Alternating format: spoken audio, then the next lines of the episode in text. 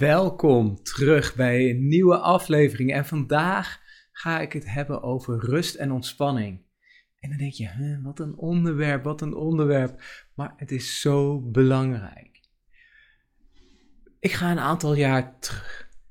Ik was, uh, ik had een, uh, een opdracht. Uh, ik doe veel opdrachten in mijn werk, dus ik heb niet, ik heb wel een vaste werkgever, maar ik heb niet een vaste plek waar ik werk. Dus ik had een opdracht en deze opdracht veranderde eigenlijk best wel snel. Er was een hele hoop gebeurd. Ik was een keer op vakantie gegaan en, bij deze opdrachtgever zeg ik altijd, elke keer als ik op vakantie ga, dan kom ik terug en dan is er iets veranderd en dan heb ik ineens meer verantwoordelijkheden gekregen. Nou, dat was, uh, uh, dit was denk ik de eerste keer dat het heel duidelijk werd. Ik was op vakantie geweest, een paar, paar weken, of misschien zelfs maar een week. Ik weet niet meer precies waar naartoe. Maar het belangrijkste was, ik kwam terug en ik kreeg ineens heel veel meer verantwoordelijkheid. Er viel iemand weg en ik moest dat gat vullen. Maar ik moest ook mijn andere verantwoordelijkheden uh, uh, dragen. Nou, dit kan je voorstellen dat het best wel even wat druk en stress opleverde. En dat was eigenlijk waarom ik ook zeg, rust en ontspanning is super belangrijk. Want dat maakt je weerbaar in dit soort momenten. Nou, in het begin had ik het niet meteen door, weet je. Ja, oké, denk je uitdaging leuk, gaan we mee aan de slag. Alleen ik merkte dat bepaalde dingen, die ik kon ze gewoon niet loslaten. En ik werd er onrustig van. Zelfs was er een situatie waarbij ik gebeld werd op donderdag en op vrijdag werk, uh, werk ik eigenlijk al heel lang niet meer. Uh, vier dagen in de week werken, heerlijk. Beste uh, advies voor rust en ontspanning ever.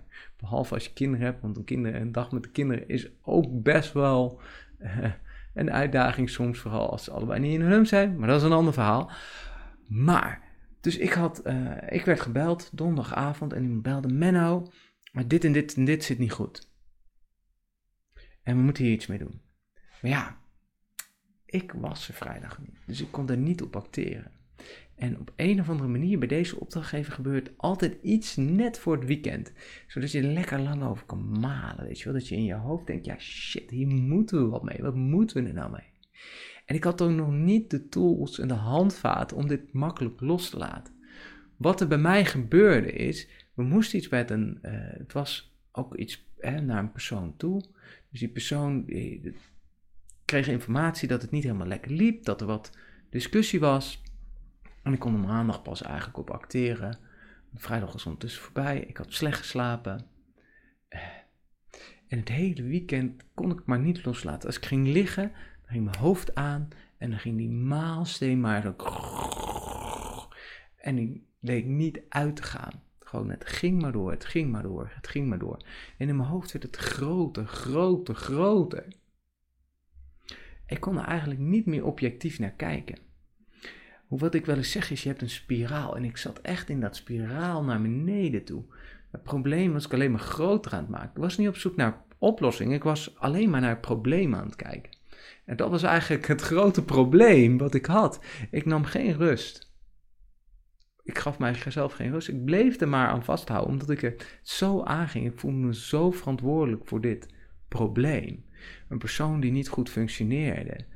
En ik was net net, uh, zeg maar, had een sturende rol in een team gekregen.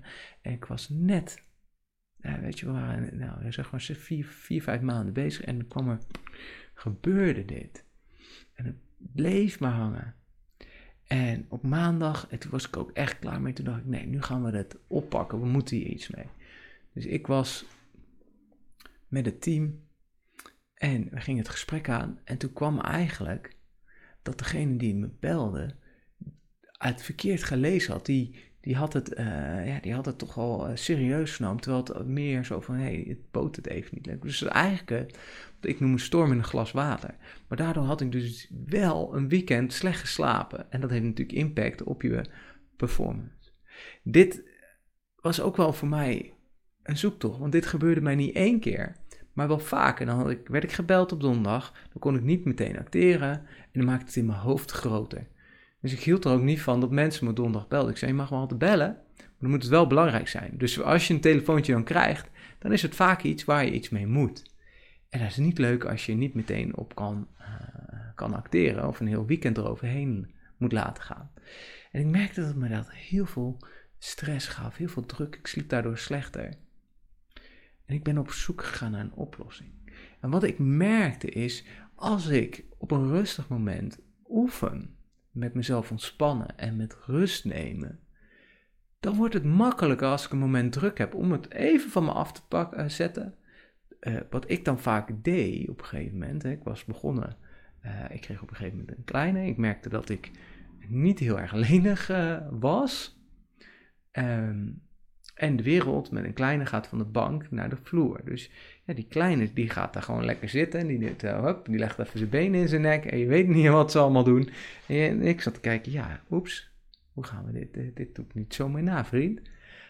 Um, ik zat te kijken, ja, hoe, kan ik dat doen? Dus ik begon met yoga. Eigenlijk om wat meer flexibel te worden. Wat gemakkelijker op de vloer te kunnen gaan zitten. Nou, dat is ondertussen uh, redelijk goed gelukt.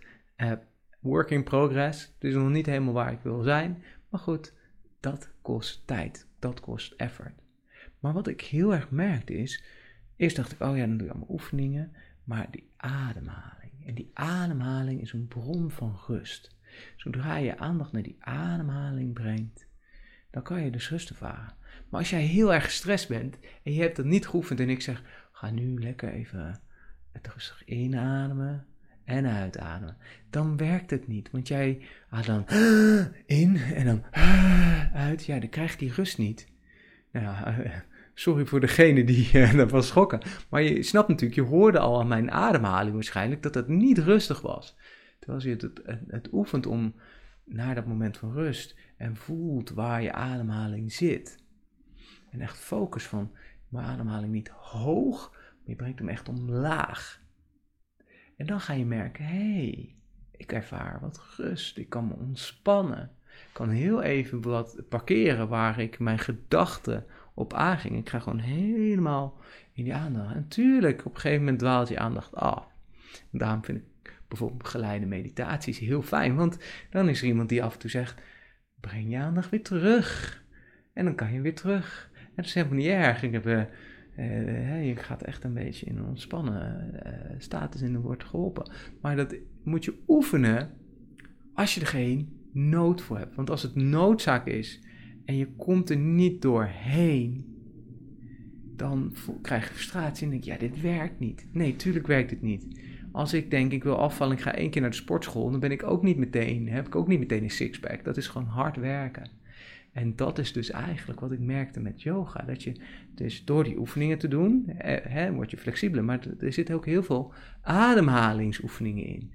En daardoor merkte ik, hé, hey, ik word er rustig van. Dus wat ik soms deed, dan kwam ik thuis. Ik zei tegen ja, ik heb toch wel een beetje stress. Dan ging ik gewoon lekker yoga doen. En dan merkte ik, oh ja, ja dat geeft me rust. Dat werd eigenlijk mijn uh, go-to tool. Gewoon even lekker bewegen. Het is ook nog echt fantastisch. Het ligt natuurlijk aan wat voor type yoga je doet. Maar het is ook fantastisch als workout. Vergis je niet. Super zwaar. Ga maar eens uh, hè, bepaalde houdingen, de, rust. Ja, je, denkt, nou het valt allemaal mee, je hebt geen gewichten, maar gewoon die houdingen, de rust, de ademhaling. Je merkt ook, het is soms ook echt een workout. Ik doe ook bewust soms echt yoga waar je een beetje wat meer power uh, in moet doen. Uh, gewoon even als tip tussendoor. Um, je denken, ja, ik wil het toch wel eens proberen. En Menno met een workout, ik geloof er helemaal niks van. Yoga with Adrian. En dan, um, volgens mij heet het iets met core workout of core practice, weet je wel. Dan ga je focussen op je core. En nou, ik, ik kan je beloven dat je het gaat voelen. Je gaat het voelen, er zitten oefeningen in. Bizar. Dus tip nummer 1, ga dat eens een keer proberen. Als je nog nooit yoga hebt gedaan, probeer het eens. Je hebt verschillende soorten, maar zoek eens een eentje uit die wat meer op een workout lijkt. En uh, dat is eigenlijk wat ik doe ook als, als workouts, uh, zeg maar. Gewoon, ik doe niet, ik ga niet meer naar de sportschool, dat soort dingen. Ik doe vaak dit soort video's of gewoon, uh, s ochtends, vanochtend heb ik een, een workout gedaan, gewoon een videootje van YouTube. Dan volg ik gewoon de instructies. Dat is niet per se yoga, maar het zijn wel gewoon uh, bewegingen die je met je lichaam maakt. En dat was specifiek op de core. Nou, ik voel het nu. Uh, ik heb er even over mijn aandacht aan toe. Ik voel het nu weer. Weet je, ik voel precies, hey, hier heb ik de workout gedaan. Daar ben ik voor aan het trainen. Nou, dat is dus het mooie. Maar wat ik dus heel erg merkte is oefening baart kunst. Lekker cliché, oefening baart kunst. Maar als jij oefent op het moment dat je het eigenlijk niet nodig hebt en je hebt het op een gegeven moment nodig, dan is het een gewoonte. Dan kan je het oproepen en dan kun je zeggen, oké, ontspannen. En uh, het mooiste wat ik uh, in mijn, uh, wat ik meekreeg, was eigenlijk vanuit een training. En dat gaf me zoveel bewustzijn. Ik had een training van het werk. Het hele bedrijf kreeg een Fitbit. Nou, dit is ondertussen een andere Fitbit, maar dat maakt niet uit. Het hele bedrijf kreeg een Fitbit. En het idee was dat we een gezonder organisatie neer zetten. En er waren ook training bij, dus er was een verplichting. Je krijgt Fitbit gratis, maar je moet wel in minimaal één training meedoen. Dus ik deed mee en die training ging over slaap. En uh, nou, dat slaapstuk dat, uh, dat uh, is super interessant. Als je in rust komt, ga je ook beter slapen. Dus je moet echt afbouwen van je dag, zorgen dat je rust vindt. Niet nog even tot de laatste minuut televisie kijken of actief. Nou ja, televisie kijken val ik vaak soms gewoon echt in slaap. Maar uh, niet die ene spannende serie gaan kijken. Lisa kan erover meepraten. Kijk, een spannende serie en dan zitten. Oh, mijn hartslag zit hier. Ik kan nu echt niet slapen. Ik moet de volgende 10 minuten kijken. Ja, Um, dankjewel Netflix.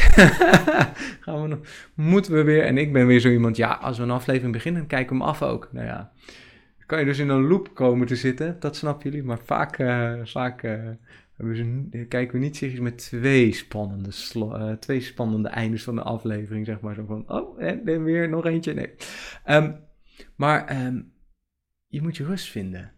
En wat ze daar zei is meditation in a heartbeat. Of meditation in een. Weet je, dat je eigenlijk de rust kan vinden door te oefenen. Dus als jij oefent met je ademhaling.